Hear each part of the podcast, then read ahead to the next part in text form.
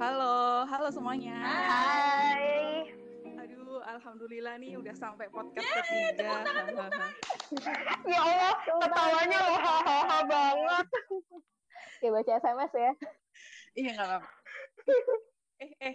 Jadi kali ini kita mau bahas tentang udah move on dari apa namanya? Kuarantin dari COVID. Kita kali ini mau bahas topik yang lebih Berat. Wis. serius. New normal, new normal. Ah, Iya, agak berat. Kalau misal aku bilang kita tuh nggak bisa milih mau punya orang tua yang kayak gimana gitu, tapi kita itu bisa milih mau jadi orang tua yang kayak gimana gitu kan. Karena emang keputusan yang besar di hidup seorang anak itu emang kebanyakan juga dipengaruhi oleh gimana sih orang tua ngajarin ke Ya, anaknya gitu betul kan. banget. Ada nggak sih pokoknya anak yang misalnya nggak mau menikah atau nggak mau punya anak gitu gara-gara pengaruh dari orang tua mereka gitu. Ya, ada banyak banget. Terus kalau misal dari teman-teman sendiri gitu, pengalaman apa sih maksudnya pelajaran yang didapat dari orang tua yang mempengaruhi hidup kalian, yang mempengaruhi akhirnya bikin kalian jadi yang orang kayak sekarang itu apa aja gitu. Siapa nih yang mau Bila dulu lah. Dia dulu. Iya, Bill, cerita dulu, Bill. Kayak gimana tuh, gitu. Oke, aku dulu. Iya. Oke deh. Kalau misal aku tuh yang pelajaran yang paling ing- aku inget tuh orang tua aku ngajarin tentang itu sih tanggung jawab sama menghargai waktu. Oh. Iya, jadi dulu tuh waktu aku kecil, aku tuh anaknya eh, nggak pernah main gitu loh. Maksudnya kayak nggak punya teman main di kampung karena emang dari TK sekolahnya udah jauh gitu kan. Dan sekalinya aku tuh pingin punya teman di kampung, mesti nggak boleh gitu loh main. Nah, mungkin itu yang mempengaruhi aku juga jadi anak yang kurang bisa bersosialisasi atau gimana. Tapi nggak boleh mainnya itu karena aku tuh harus ngerjain kerjaan rumah gitu loh. Jadi dari kecil itu udah kayak dibiasain harus bantu ibu bersih-bersih rumah karena kita tuh nggak bisa ntar hidup itu nggak selamanya bareng sama orang tua gitu nggak sih? Oh. Mungkin itu yang yang apa ditanemin dari eh, orang tuaku ke aku gitu. Pokoknya mama sama ayah kan kerja terus pulang sore, terus pulang sore itu mesti rumah harus udah beres. Emang nggak ada pembantu kan dari kecil. Jadi kayak eh, nyapu, terus pokoknya pekerjaan rumah tuh harus beres gitu. Terus aku inget banget dulu waktu sebelum aku jadi orang yang apa rajin kayak gitu itu, dulu waktu kecil itu juga pernah sih kayak cuman goler-goler bahan main TV tidur-tiduran gitu. Terus dimarahin gara-gara kayaknya orang tua juga kayaknya lagi capek itu pulang kerja. Tapi waktu itu dimarahin gitu dan keinget banget marahnya. Pokoknya habis itu langsung eh, berubah gitu. Pulang ke rumah harus ngerjain pekerjaan rumah, nggak boleh santai-santai karena alasan alasan ngerjain tugas aja itu kayak udah dibilang egois gitu loh. Ya itu emang tanggung jawab kamu, tapi kamu juga harus bisa jadi anak yang tahu tanggung jawab di rumah. Gitu. Itu sih kalau Aku misal paling penting tahu kalau dengerin cerita ini cerita anak yang nyeritain orang pengalaman mereka tuh kayak beda-beda gitu tiap keluarga. Ya lanjut. Iya. ya That's kan? itu yang ngebentuk kamu sekarang gitu ya, Iya, Bil. kan? Maksudnya aku ngeliat kamu tuh tanggung jawab banget, menghargai waktu banget gitu.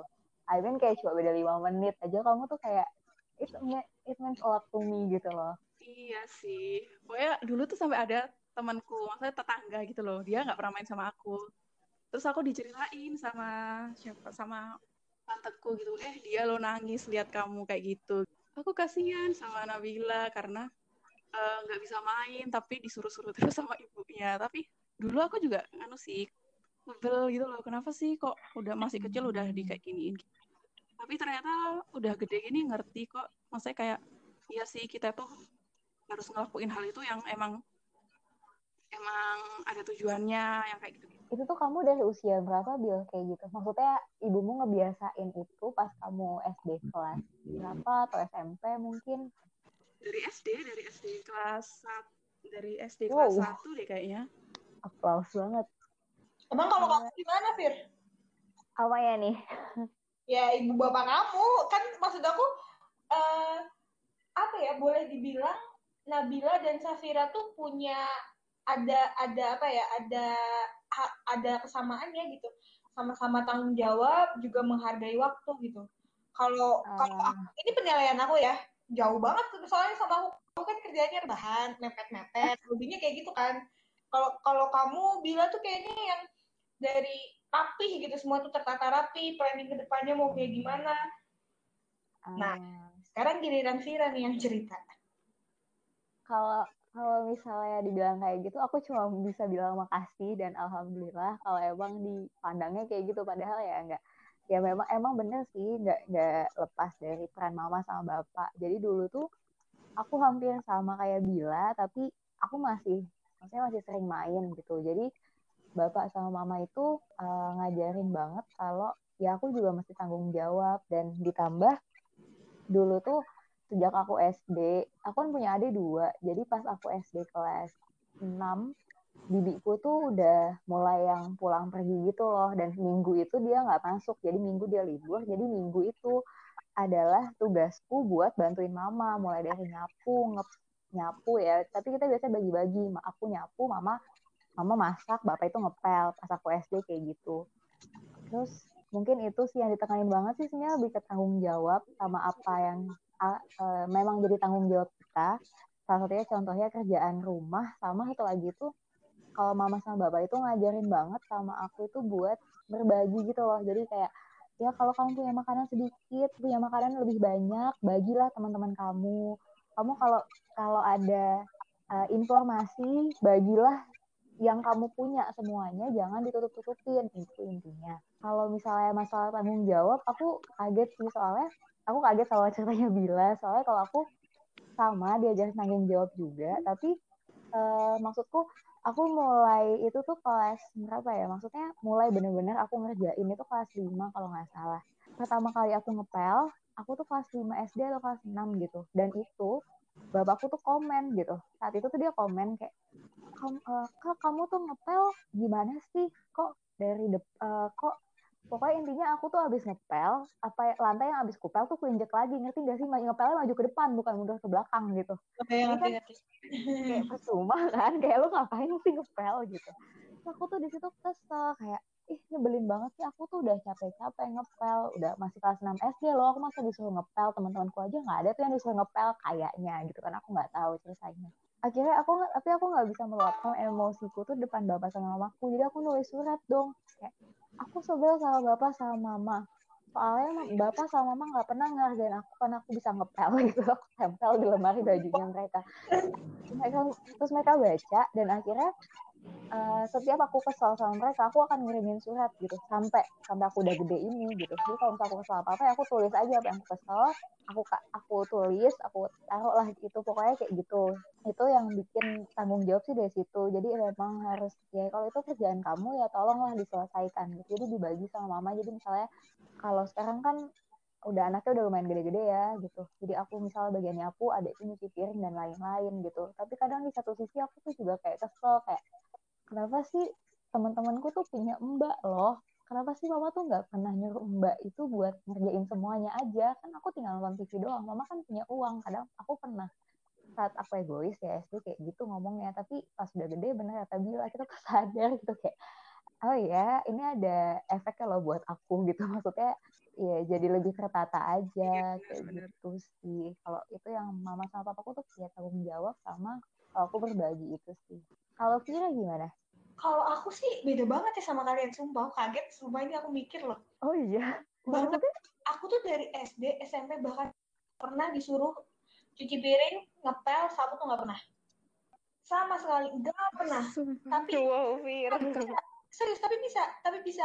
Iya, ngerti, ngerti. tuh mungkin backgroundnya gini dulu ibu aku disuruh kayak gitu sama nenek aku. Dia tahu itu nggak enak akhirnya dia ke aku nggak usah latih gitu. Ngerti nggak sih? Ah paham paham. Uh, tapi iya iya. Uh, uh, tapi bisa gitu. Cuman iya. cuman ya bisa. Nah terus kalau mereka tuh aku lihat mereka tuh lebih sering uh, ngajarin aku tuh dari cerita biasanya. Kayak misalnya pulang kantor atau apa ya pulang kantor pulang kerja ada waktu sebentar untuk ngobrol sama mereka gitu. Cerita. Jadi pas kita aku kecil tuh mereka udah bawa persoalan kantornya oh. aku pikir gitu. Hmm. tapi nggak secara langsung ya. Lebih ke diskusi gitu. Kayak curhat aja misalnya. Kayak mama tadi di kantor ada teman mama yang nyebelin misalnya. Misalnya apalah sebutlah. Dia ngambil pensil nggak bilang-bilang misalnya kayak gitu kan nggak bagus ya gitu. Dia tuh nyampein pesan-pesannya tuh secara tersembunyi gitu. Dari situ kita tahu oh bahwa pensil tuh nggak boleh karena itu punya kantor gitu. Dari situ tahu soal kepemilikan nih mana yang punya kita ma- mana punya orang lain. Makanya jadi apa ya aku orangnya tipikalnya gitu. Kalau misalnya apa sesuatu barang yang udah dipinjam ya harus dibalikin. Itu strict gitu. Mau itu apa pun lah pokoknya. Ya kalau misalnya lupa tolong ingetin terus Mm. perihal tanggung jawab tuh mereka ceritanya soal pengalaman hidupnya mereka gitu apa yang kamu lakuin hari ini itu pasti berdampak sama di hari kemudian. Iya, terserah pilihan kamu. Kamu mau malas-malas eh, sekarang ya nanti pasti susah. Kalau kamu rajin sekarang, nanti gampang. Pilih aja mau yang mana. Cuman yang aku salut sama mereka tuh, mereka tuh menyampaikannya secara implisit gitu. Jadi mereka tuh ngasih kebebasan sama, kan anak, aku empat bersaudara nih. Ngasih kebebasan untuk ngapain aja. Tapi once kita jatuh, mereka ada gitu. Ngerti nggak sih? Oh, Iya, iya, iya. Kayak makanya tuh kayak soal disiplin gitu-gitu tuh sebenarnya ibu bapak santai banget kamu kalau tahu ya datang ke rumah aku kayaknya tuh satu-satunya orang yang peduli sama bersihin meja makan tuh cuman ibu aku aku tuh baru sadar ke sini-sini pas di atas umur 18 19 ke atas lah di bawah itu zaman SMA tuh kayak semuanya ya udah taruh makan. Bebas aja impactnya adalah hidup aku sekarang nggak nggak terlalu rapih kayak kalian gitu. Baru ke sini sini tuh kayak misalnya maksud aku tuh nggak terlalu rapi tuh nggak yang kan kalau kalian tuh nulis gitu jadwal gimana gimana. Kalau aku tuh nggak tapi ada bayangan gitu. Ke depannya mau apa ya udah dipikirin aja. Urusan jadi nggak jadi ya udah belakangan gitu. Terus ini sih sama ada ada pepatah bahasa Sunda ini sebenarnya pemikirannya rada kolot. Tapi somehow aku agak setuju sama hal ini dalam beberapa hal. Ada namanya kapaksa biasa karasa. Itu tuh bahasa Sunda. Jadi kalau di Indonesia terpaksa terbiasa baru terasa. Jadi itu tuh nyambung sama ceritanya Bila. Bila dulu tuh kan pasti dipaksa dulu dong untuk dia bisa bersih bersih akhirnya dia biasa akhirnya dia tidak merasa itu berat. Akhirnya oh kerasa. Impactnya adalah sekarang sering bersih bersih dengan senang hati orangnya rapi dan lain-lain. Itu sih. Jadi beda banget sebenarnya ya antara Viva aku eh sorry Vira Bila sama aku. Itu kalau aku Oh, Pantesan ya Fir, kamu sering bercerita gitu, senang Iya, bercerita. benar-benar. Kamu pasti berharap berharap dari ceritamu ini bisa memberikan moral value bagi orang lain. Dan itu sebenarnya ya benar-benar kerasa juga buat kita gitu. Oh, kita juga jadi banyak tahu dari kamu gitu. Kamu kamu juga selain bercerita tuh kamu juga ngasih implisit apa ya? Eh, moral value-nya gitu, pelajarannya dari cerita itu. Karena kan Ternyata itu memang didatangkan dari orang apa tua. ya Benar, aku kalau aku sendiri tuh kalau misalnya dikasih tahu sama orang ya kayak misalnya coba deh kamu dikasih tahu ini tiba-tiba ucuk-ucuk Viva Viva kamu tuh nggak boleh kayak gitu Hmm. sebel nggak sih kayak siapa sih orang? Iya. Enaknya kan Heeh, gitu. Iya. maksudnya ini sih lebih ke pengalaman karena tuh jadi bapakku Mm-mm. sempat bilang kayak gini pengalaman tuh iya bener Bu.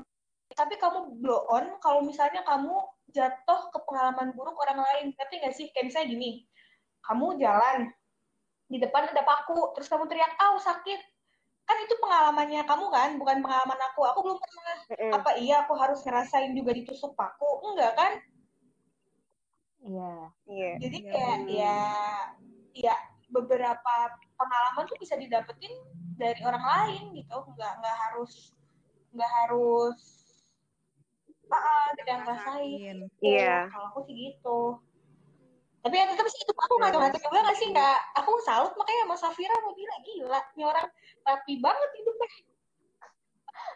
Enggak. Gak apa-apa, Fir. Semua orang punya caranya Iya, masing-masing. Yang penting bisa beradaptasi Iya, kok. benar. Kita juga sama-sama berada di jalan yang sama, berada di eh, waktu yang sama Tapi juga. mungkin caranya Jadi beda tenang saja. gitu. Mm-mm.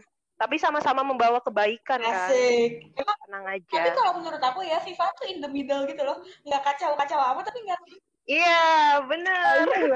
gimana? Kalau aku nih, aku dari cerita kalian misalnya Bila yang mungkin agak street atau gimana gitu. Aku tuh gabungan dari semuanya ya kayaknya. Aku street, re. aku tuh dari kecil tuh sangat apa ya? Sangat keras juga gitu sama kayak Bila gitu. Tapi juga somehow kayak Safira, tapi juga apa kayak Vira gitu. Cuman uh, tiga hal penting yang terasa sampai sekarang itu ada tiga sih. Masalah ibadah atau akhlak, kayak pembentukan karakter, keseluruhan. Terus habis itu bagaimana aku tuh memulai pendidikan tuh dari rumah sama tentang bekerja keras sih. Wow. Kalau yang pertama itu kan tentang ibadah sama akhlak itu uh, apa ya? Keluarga aku tuh menerapkan bahwa itu tuh semuanya adalah kunci dari segalanya gitu loh sebelum merambah ke hal-hal duniawi kayak akademik, terus masalah tentang urusan rumah dan sebagainya gitu. Jadi kalau kata orang tua aku tuh uh, prinsip beliau tuh kalau kita mengutamakan ibadah atau hubungan dengan Tuhan tuh pasti kebaikan-kebaikan duniawi itu pasti bakal ngikutin gitu. Pasti semuanya tuh ya akan jadi baik juga gitu. Terus kalau misalnya tentang akhlak itu tentang pembentukan karakter sih kayak sama sama kayak kalian gitu tentang tanggung jawab, tentang uh, bagaimana kita menghormatin orang tua dan sebagainya. Karena ya bagi aku juga pembentukan karakter itu kan nggak bisa ya kita bentuk satu atau dua hari gitu oh kalau dulu tuh orang tua aku mungkin masih stres gitu ya kamu harus begini kamu harus begitu gitu.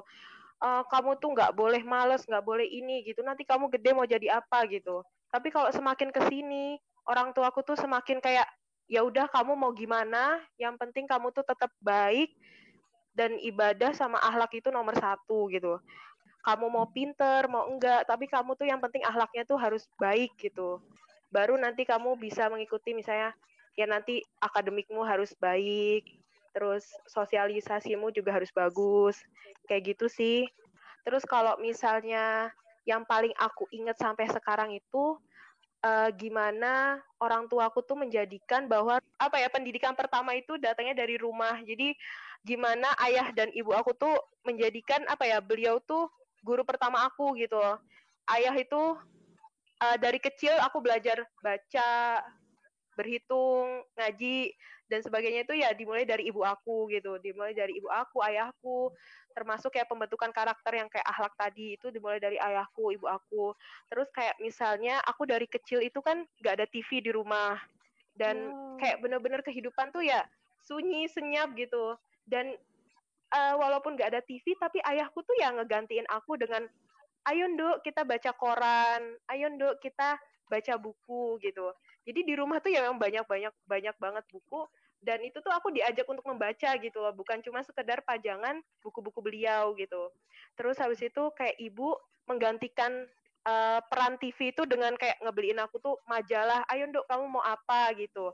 Misalnya kayak mau krayon atau mau media kreativitas kayak misalnya mainan Lego atau hal-hal sensori-sensori lainnya gitu. Kayak misalnya uh, iya boleh dok kamu mau main masak-masakan uh, pakai tanah atau main sama teman gitu. Yang penting tuh aku bisa lebih dekat dengan kehidupan nyata kayak gitu. Hmm. Terus uh, terus kalau yang paling ditekenin dari ibu uh, dari kedua orang tua aku tuh tentang kerja keras sih.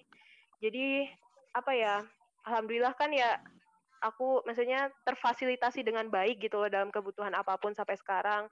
Cuman dengan segala keserbaadaan atau keserba cukupan semua ini tuh aku tuh orang tua aku tuh nggak serta merta membiarkan aku nerima dengan tangan terbuka gitu.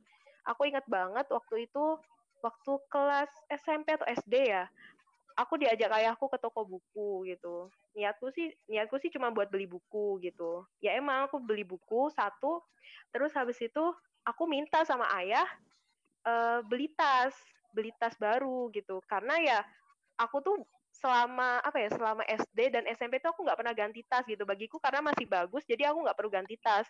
Cuman karena aku udah pakai tas itu berkali-kali akhirnya aku pengen minta ke ayahku untuk beli tas. Ayahku beliin tuh harganya dua ratus ribu. Pas waktu sampai rumah waktu itu kebetulan ibuku nggak ikut. Waktu sampai rumah aku lapor ke ibuku. Ibu Viva beli tas gitu. Oh iya harganya berapa dua ratus ribu bu. Aku dengan pedenya bilang dua ratus ribu. Ya bagiku ya emang harga tasnya segitu. Yeah, yeah. tapi tiba-tiba itu ibuku tuh marah gitu. Loh kan aku kaget. Kenapa ibu marah gitu? Viva pikir memang dua ratus ribu itu apa nggak mahal gitu eh gak murah gitu. Itu tuh mahal FIFA gitu. Kenapa FIFA dengan enaknya minta tas dua ratus ribu gitu? Di situ ayahku membela gitu. Maksudnya ya nggak apa-apa deh eh, manggil ibuku yang nggak apa-apa deh itu ke FIFA pengen tas baru. Cuman ibuku tuh bukan nggak terima ya tapi ya Allah itu tas masih banyak. Kenapa harus beli lagi? Ibuku tuh marah dengan tas itu gitu. Terus aku bingung kenapa ibu tuh marah dengan dua ratus ribu? Padahal ibu juga biasa kayak ngebeliin apa-apa itu ya ke FIFA tuh ya beli-beliin aja gitu. Kayak misalnya krayon atau peralatan sekolah itu ibu beli-beli aja. Tapi kenapa tas 200 ribu ini dipermasalahin gitu? Tapi dari situ tuh aku tuh kayak baru nyadar gitu loh bahwa ternyata ibuku tuh cuman nggak pengen aku tuh kayak mudah ngomong aku pengen tas 200 ribu itu gitu. Hmm. tapi ibuku tuh pengen kayak apa ya lebih dalam lagi dalam memaknai apa ya nggak serba minta apa-apa gitu kayak nggak menganggap semuanya itu serba mudah terus serba ada terus akhirnya aku bisa dapetin apa yang aku mau itu nggak bisa kayak gitu. Jadi apa-apa ya harus diiringi kerja keras atau nggak usaha gitu. Jadi baru kita dapat hasilnya. Jadi dengan dua ratus ribu itu aku tuh apa ibuku tuh sebenarnya pengen ngasih pesan bahwa aku tuh nggak boleh jadi anak yang udah bergantung dengan orang lain gitu untuk dapat berjalan. Terus ibu aku tuh juga nggak pengen aku tuh hidup di bawah bayang-bayang dan tanda kutip uang orang tua gitu.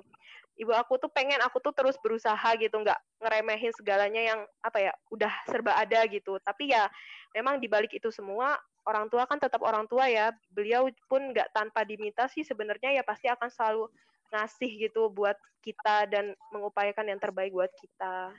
Gitu sih itu poin penting yang paling aku inget dan aku bawa gitu sampai sekarang. Gila ya, beda-beda banget ya sih ini semuanya. iya. Tapi aku juga punya pengalaman hampir sama sih kayak Viva. Jadi mama sama bapakku tuh juga bukan tipikal yang ngebiasain anaknya buat dapetin sesuatu dengan yang dengan hal yang mudah gitu. Jadi dari dulu, iya benar. Aku tuh suka pas kecil tuh ada kalian ada yang suka main Barbie nggak? Kalau aku tuh suka banget dulu ngoleksi boneka Barbie sampai banyak banget gitu. Nah, nah kalau aku uh, bedanya dulu aku masih nonton TV gitu terus tapi kalau misalnya mau boneka Barbie kan itu lumayan mahal ya harganya. Saat itu pun mahal bahkan saat ini pun menurut aku juga mahal harganya lumayan. Apalagi yang Mattel yang bagus lah ini gitu. Nah uh, kalau aku yeah. mau dapat boneka itu aku harus belajar kayak gitu. Maksudnya uh, aku harus jadi mungkin gak harus jadi juara kelas tapi tapi setidaknya aku menunjukkan ada ada usaha gitu. ada usaha uh, iya. dapetin itu gitu dan itu ke bawah sampai pengalaman kemarin tahun lalu kan aku sempat uh, pergi sekeluarga ya gitu nah itu ternyata tidak tidak dengan ini gratis begitu jadi kita kita sekeluarga itu ditanyain sama mama kamu punya uang tabungan berapa masing-masing anak kayak gitu. Dan akhirnya kita kayak uh, oke okay, tabungannya mama kita pakai ya tabungan kamu tabungan kakak uh, kita pakai tabungan lima dipakai tabungan April juga dipakai gitu. Seadanya uang kalian Wah. untuk buat membeli kebutuhan ataupun membayar beberapa hal yang diperlukan untuk pergi kayak gitu. Aku juga sempet kayak ah, gila tabunganku habis semua cuma buat ke sana doang gitu. Ibuku bilang kelihatan kan? Berarti itu sesuatu yang tidak tidak murah gitu kata ibu. Iya iya benar benar benar ya kamu harus usaha lah kalau kamu senang ya kamu usaha gitu. Nggak ada kesenangan tuh dia di gratis gitu loh tiba-tiba datang gitu. Enggak yeah. gitu. Terus aku kayak benar banget jadi kita tuh kayak ya maksudnya tabunganku memang nggak seberapa gitu. Pada akhirnya aku cuma bisa buat beli apa dan mungkin membayar apa tabungan adikku juga kayak gitu. Jadi kayak oke okay. nggak nggak se nggak iya. gitu ternyata wow iya walaupun pada akhirnya orang tua tuh ya pasti bakal bakal apa ya mengeluarkan gitu apa segala iya. yang beliau punya gitu iya. kan bakal berikan yang terbaik buat kita gitu cuman pengen kita tuh coba sih usaha dulu gitu iya gitu ayo kumpulin tabungannya nanti kita be kita jalan-jalan ke sini tapi pakai uang tabungan kalian gitu. Jadi kita ada rasa bangga sebetulnya kayak ini pakai uang tabungan iya sih bener-bener bener, ya ampun paling cuma buat beli apa gitu loh nggak uh, uh, iya. Cuman kayak oh ini uang tabunganku loh gitu. Iya bener banget sih. Mau apa? Sebenarnya aku juga punya cerita mm -mm. sih yang mirip sama Gimana Viva gitu. Kalian Dulu tuh aku baru di apa dibeliin HP tuh SMA. Kalau kalian kapan? Aku SMP SMP akhir kayaknya. Aku HP HP yang aku mau ya masuk. SMA. Iya. Oh iya. Tapi- aku benar-benar baru megang punya HP Oh, dari Hmm. SD bahkan. dan itu Kalau soal apa ya cara orang tua untuk ngatur apa mengajarkan finansial sama anak-anaknya itu beda-beda juga. Ini nih Iya. soal yang tadi nih aku nggak nggak dapet tuh dari ibu bapak tuh kayak kayak gitu-gitu. Oh iya, iya. Tapi dapetnya itu dengan cara kayak gini misalnya tas aku aku ngerasa di antara teman-teman aku tas aku masih jelek terus aku minta mah minta tas terus dia bilang eh lah masih bagus Eh, kalau kamu lihat tuh jangan ke atas ke bawah dia jawabnya gitu doang Kita Oh iya. anjirin iya juga gitu. maksudnya kan ya orang lain tuh ke sekolah ada yang pakai kresek kita masih beruntung gitu Ah, makanya Iya. Iya benar. efeknya adalah aku kadang suka lempeng gitu orang kan misalnya ke mana uh dandan make up lo pakai sepatu baru apa lo kayak dah ya lah kalau kata gua bagus bagus gitu side efeknya gitu kali ya cuman Iya. baru baru setelah kayak misalnya sepatu nih baru bolong yang double tuh Mm-mm. aku yang sampai tepleknya tuh udah kayak jalan ngebusuk terus ibu aku ngeliat kamu sepatu kayak gitu emang enak? Enggak. Terus katanya. Ya ya ya gimana? Aku bilang masih bisa dipakai gitu. Beli beli beli. Jangan kayak orang susah. Baru dia ngomong kayak yang kayak Iya. dia nge-set boundaries gitu loh batas-batas. Enggak enggak selalu apa yang kamu minta itu dikasih terus kamu juga perlu ngelihat kamu tuh harus bersyukur dengan keadaan kamu sekarang Mm-mm. dan bersyukur itu akhirnya kamu Iya benar. gitu oh ya udah ternyata masih bagus ya gitu orang lain masih pakai kresek kebasahan tas kita meskipun misalnya bolong tapi masih nyaman dipakai gitu terus eh, tadi kan udah banyak cerita tuh kayak apa yang diajarin orang tua ke kalian akhirnya kalian jadi orang yang kayak gini kalau misal entar nih Yes. kalian punya anak kira-kira prinsip apa tuh yang Bila mau dulu kasih ke panjang Iya, Bill. itu dia Vira.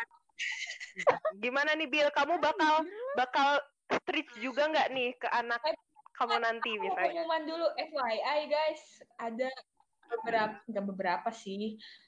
Kayaknya orang-orang menganggap tuh Bill kurang banyak ngomongnya. Jadi Bill kamu keluarin Bill seluruh kemampuan kamu Bill suara-suara indah kamu. Iya. Oke. Request Bill dari netizen. Hmm. aduh asik tahu kenapa aku jadi anak Kenapa nih? Nanti aja nih Apa? Oh, di podcast selanjutnya nih. iya Oh, gimana? Oh, sini aja. seru ini Iya aja aja udah nggak apa-apa nggak oh ya apa-apa. udah iya dulu tuh aku orangnya tuh waktu TK kayaknya tuh semuanya tuh waktu TK itu kayak baik-baik aja gitu loh waktu SD itu semua kayak berubah. Waktu TK itu aku tuh orangnya konfront banget gitu. Jadi kalau misal ngelihat ada orang yang misal kayak beda gitu sama aku, misal rambutnya keriting banget, mohon maaf sebelumnya. itu pikiran anak TK ada orang yang kulitnya Wah, hitam kacau. banget gitu, Oh, oh. bilang di depan orangnya. gitu. Jadi pernah dulu tuh sampai orangnya tuh nyamperin mamaku terus marah gitu. Dan dari situ aku dimarahin kalau ngomong tuh harus hati-hati gitu. Tapi bener kok, Bill. Kan berkatalah yang baik atau diam. aduh aduh aduh aku merasa tidak seperti itu guys Gak apa-apa, Fir. Gak apa-apa. penyeimbang duniawi penyeimbang kalian Bang dunia. Hmm, habis dari situ tuh aku langsung takut kalau misal ngomong tuh, aduh salah nggak ya, aduh bener nggak Tapi ya, satu hal, gitu. Bill. Kalau ada yang pengen Itu kamu sampaikan, utarain aja, ngomong aja. Gitu aja sih. Contohnya kayak yang Daripada dipendam, nanti nggak ngomong-ngomong. aku tahu maksud kalian. Iya, oke, oke. ke prinsip ya. Misal ntar punya anak, pingin Wow. prinsip itu jadi anak Iya. yang kuat dalam hal pendiriannya dia, dia berani menghadapi suatu masalah, maksudnya kuat dalam hal adaptasi, menghadapi lingkungannya, mengambil keputusan. Pokoknya orang yang kuat lah. Misal dia di lingkungan yang baru, dia tahu harus mau bersikap apa. Jadi anak yang punya pendirian Iya, iya. yang kuat. Wow. Kalau misal Siapa kalian nih? Vivah dulu, Vivah dulu. Hmm, kalau aku, Eh, bentar kenapa nih? boleh Oh iya, iya, oke, oke. Boleh dong. Ngomong-ngomong aja.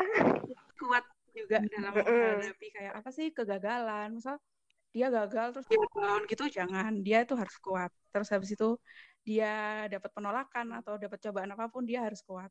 Karena orang yang terus-terus ditempa sama kegagalan, sama penolakan, gitu tuh aku percaya bakal jadi orang yang setuju eh, bisa lah Setuju. hidup sendiri kayak gitu. Setuju banget.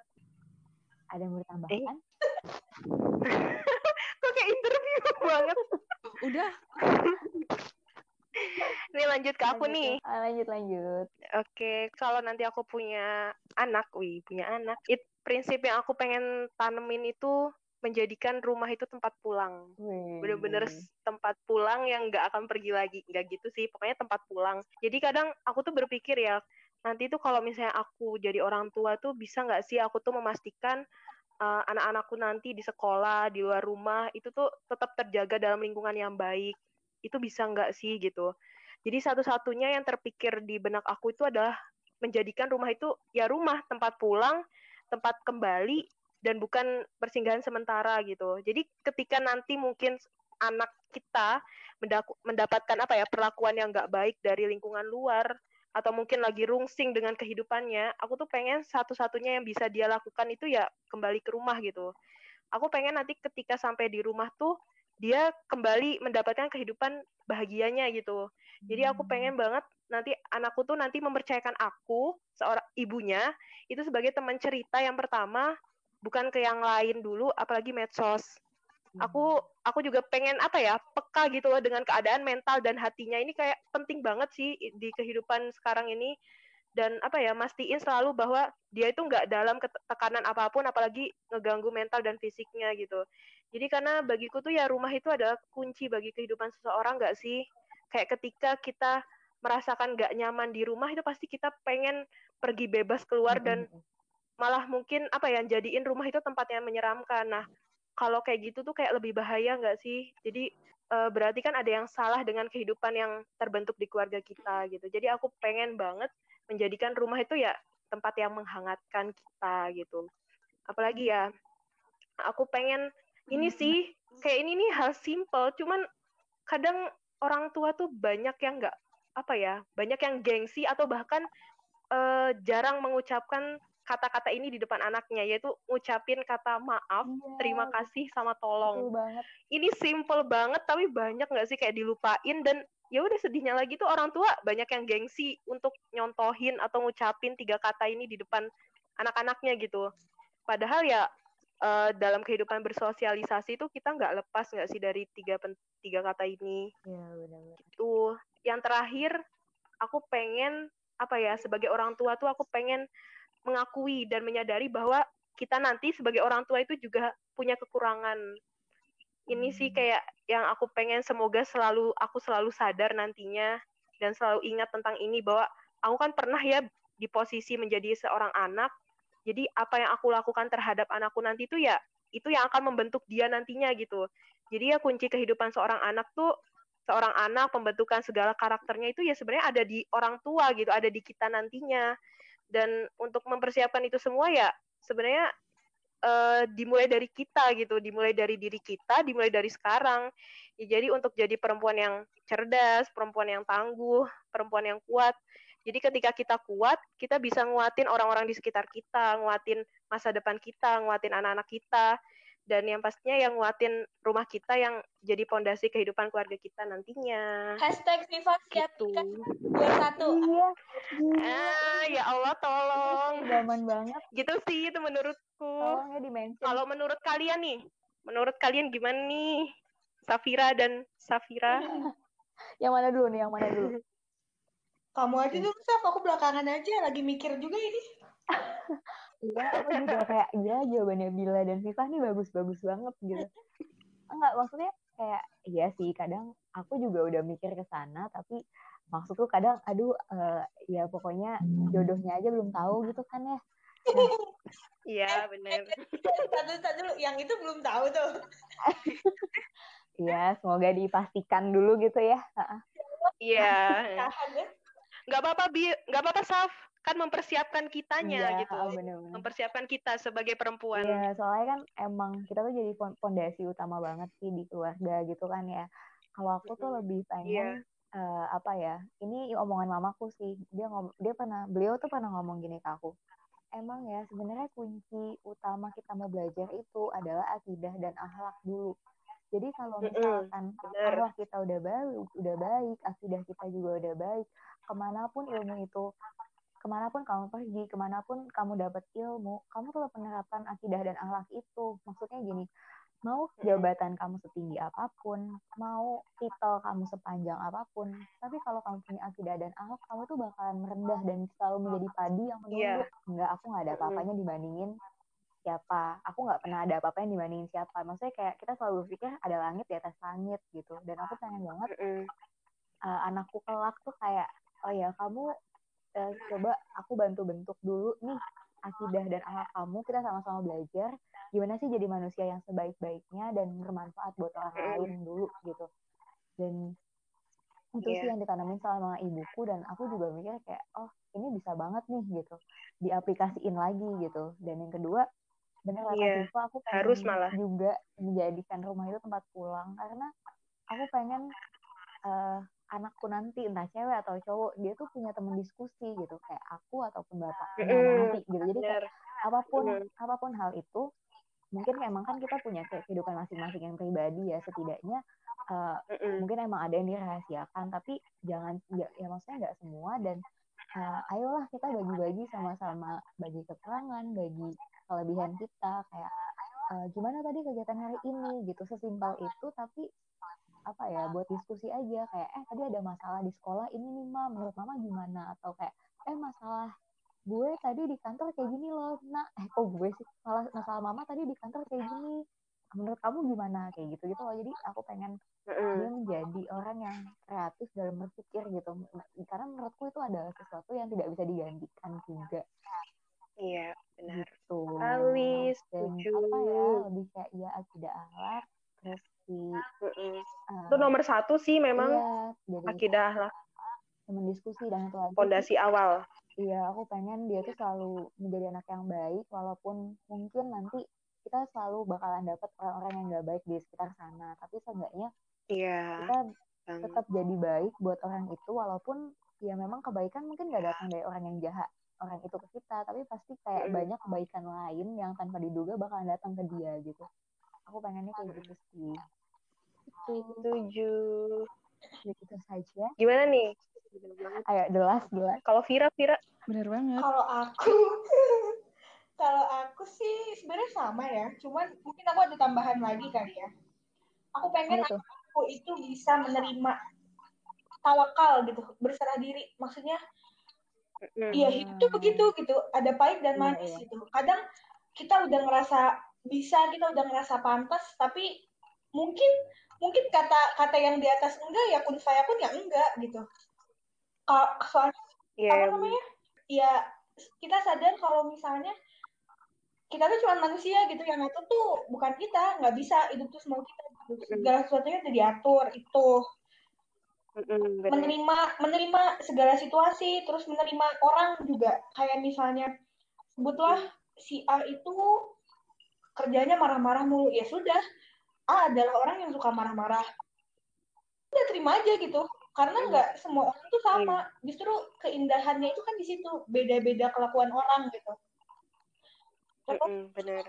nah dari situ tuh aku berharap anak aku bisa jadi orang yang jujur. Jadi kan aku ngajarin dia untuk bisa menerima. Jadi begitu dia jujur sama aku tuh aku bisa nerima dia gitu apa pun itu.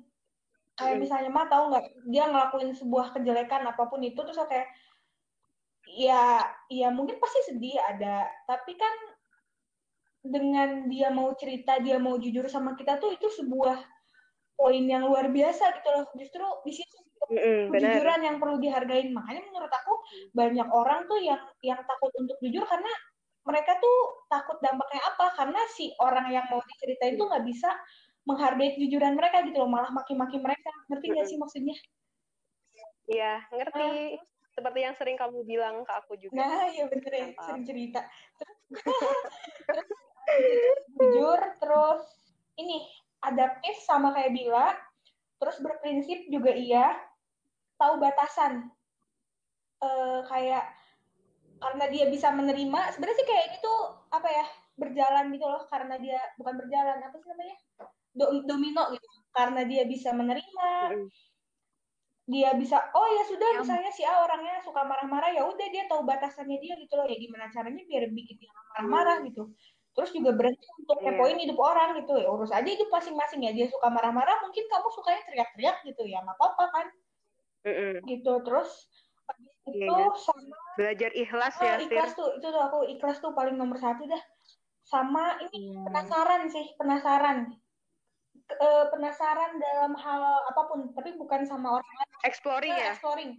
Jadi kayak kayak misalnya nih, aku nih, aku kan orangnya sama ibu bapakku tuh nggak dibiasain untuk eh, cuci piring, nyapu, ngepel dan kawan-kawan. Mm-mm. Tapi ada one day di mana aku nanyain sebenarnya cara ngepel yang benar tuh gimana sih?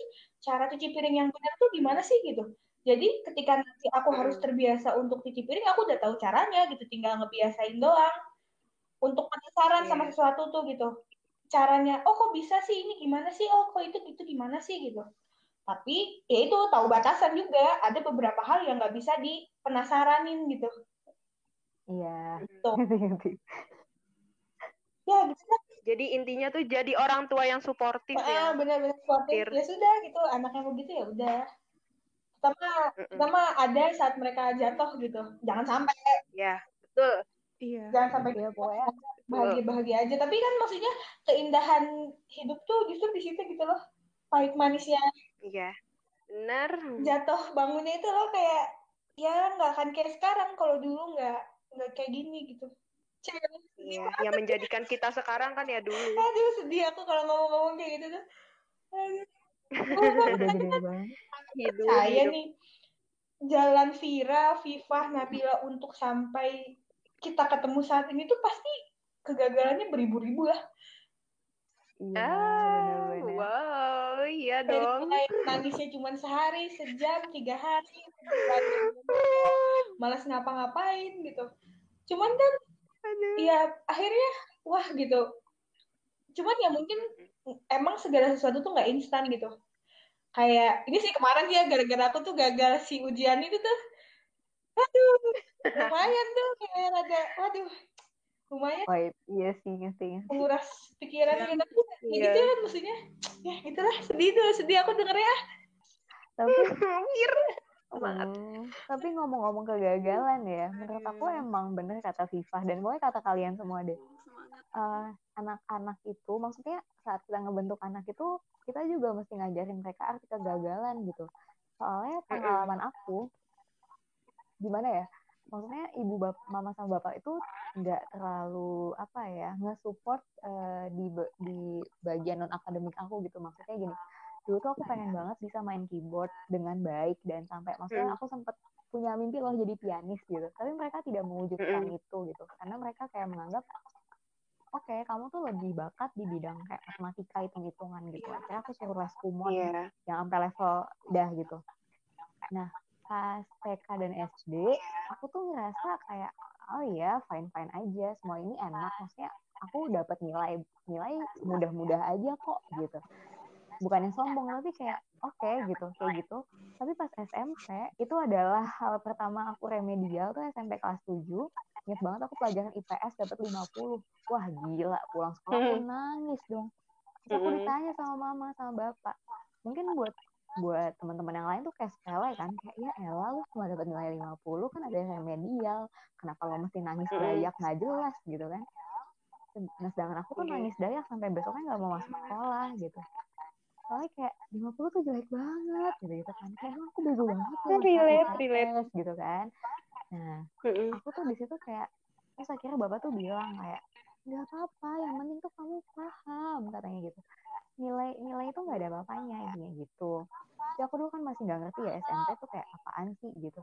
Ya pokoknya makin ke sini makin ke sini kan banyak lah ya kita gagalnya banyak kita oh ya ini namanya gagal kayak gitu gitu jadi kayak aku tuh baru kenal gagal tuh saat SMP sedangkan kayak adik-adikku itu mereka udah kenal gagal tuh dari zaman SD gitu loh. Jadi mereka tuh udah sekarang kayak lebih santuy aja gitu ngejalanin hidup kayak hahaha gitu. Kayak ketawa-tawa doang gitu kan Iya, ya. sedangkan aku tuh sampai nangis dayak boy. Kayak ternyata Iya. kegagalan tuh kalau dikenalin gitu ke anak-anak nantinya gitu. Sedangkan aku nggak dikenalin saat itu sepertinya gitu.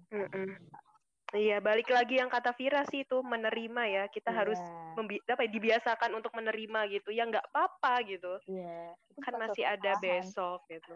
Mm-mm, bukan suatu kesalahan gitu. Masih bisa dicoba lagi gitu. Ada kesempatan lah. Iya lah, pokoknya tiap kali Ada, dapat pasti. suatu kegagalan pasti ada gantinya gitu. Semakin ada bagus, kegagalan banget. berarti Aduh, menangis. gantinya juga semakin bagus gitu. Tapi bener sih, Ya Allah. tapi bener tau kalau kita gagal, ini jadi bahas gagal. Maksudnya kalau kita gagal tuh kita jadi jadi lebih belajar lagi gitu. Dan ya udah jadi lebih ingat sih kalau aku lebih kayak gitu Eh boleh nih kita podcast selanjutnya ngomongin tentang ini. gagal kegagalan. Gimana apa yang kita bisa dapat heeh, boleh boleh. dapat dari kegagalan-kegagalan hidup kita. Oke. Cela Iyalah. Patah hati terbesar. Eh, Kegagalan terbesar. eh, lagi senang hati kok jadi patah hati. Boleh nih. Tolong teman-teman yang belum bayar kos ke Viva dan Kevin. asik Gak apa-apa, kan lagi di rumah masing-masing. Nanti aja. Aduh, ibu kosnya lagi kasmaran jadi baik BTW, kalau ngomongin orang tua, kalian tuh ada nggak sih kalau kalau orang tua, aku nggak mau ngelakuin itu ke anakku, ada nggak? Apa ya? Aku apa? Kalau aku sih bukan bukan nggak bakal ngelakuin apa yang orang tuaku pernah ngelakuin dan aku nggak setuju, tapi kayak emang apa ya? Setiap orang tua tuh punya cara mendidik yang beda-beda gitu, sendiri-sendiri gitu. Jadi aku sih lebih ke nanti kalau aku dewasa, aku Iya sih. punya cara mendidikku sendiri gitu. Aku sih semakin dewasa tuh soalnya aku semakin maja- menyadari gitu kalau ternyata Hmm. menjadi orang tua itu ya nggak gampang dan nggak punya sekolahnya gitu. Maksudnya orang tua tuh nggak ada menjadi orang tua tuh nggak ada teorinya. Ya oke lah kita sekarang berbicara tentang orang tua, orang tua itu harus kayak gini, harus gini. Tapi ketika kita dihadapkan nanti dengan kehidupan nyata tuh semuanya tuh bakal ya sesuai dengan cara masing-masing gitu. Jadi ya kalau aku sih bukan apa ya kalau misalnya yang nggak pengen aku lakuin dari orang tua yang apa dari apa yang udah orang tua aku lakukan itu aku nggak bisa bilang. Jadi aku cuma pengen suatu saat itu aku bisa me- membuat apa ya metode mendidik dan cara mendidik dengan cara aku tapi tetap sama baiknya dengan apa yang sudah orang tua aku berikan ke aku gitu. Dan perlu digarisbawahi sih ya sesuai dengan perkembangan zaman gitu dan apa ya mungkin ini sangat luas tapi penerapannya sih intinya nggak jauh-jauh dari kebaikan-kebaikan yang udah ngebentuk aku sampai sekarang ini. Gitu sih kalau aku. Kalau kalian gimana? Viv, kamu kamu kayaknya udah nyiapin jawaban nih dari kemarin ya enggak enggak. Iya, jangan-jangan sambil oh iya. mulus-mulusnya sambil diskusi dengan oh iya. sering sih ngomongin ini. Kevin? jadi hafal. Aduh geli aduh geli. Wow. Gila, gila. tolong kalian yang memancing lanjut nih lanjut kalau kalian gimana nih kalau kalian pasti ada kan yang pengen spesifik Kalau Bila, kalau Bila gimana? Kalau aku sih jujur belum tahu ya, soalnya eh, mungkin ada beberapa hal yang diajarin orang tua sekarang, tapi dampaknya belum aku dapetin gitu loh. Mungkin Hmm. dampaknya baru aku dapetin kalau misal aku ntar misal udah kerja atau udah eh, mau apa sih usia 30 tahun ke atas gitu. Jadi kayak eh, Iya, belum benar. tahu mana yang eh, menurutku itu iya ini benar-benar benar in- yang diajarin orang tua itu soalnya benar atau uh-uh. salah itu kadang masih kita taunya pas kita udah jadi orang tua jelas. malah iya oh, benar oh Safira Iya Kira sih. gitu. kalau aku apa ya aku sebenarnya kalau Iya, yang kan dulu deh. nggak akan diajarin sih nggak tahu gitu karena aku bisa kayak gini karena mereka gitu Iya bener bener bener. Pasti ada baiknya nggak sih? Pasti semuanya tuh ya buat kebaikan kita. Ya paling ya mungkin ya aku pengen mencoba untuk apa ya? Nggak tahu sih bingung juga ya. Disebut lebih sabar mereka udah sabar banget. Disebut santai mereka udah santai banget. Makanya anaknya begini kan. Nggak nggak ngerti lagi kalau misalnya aku pengen lebih santai ntar anak aku jadi apa gitu aduh izin ketawa. Bingung. Kayak ya udahlah gitu. Paling maksudnya oh iya ini sih sama satu satu hal juga sih yang aku lupa.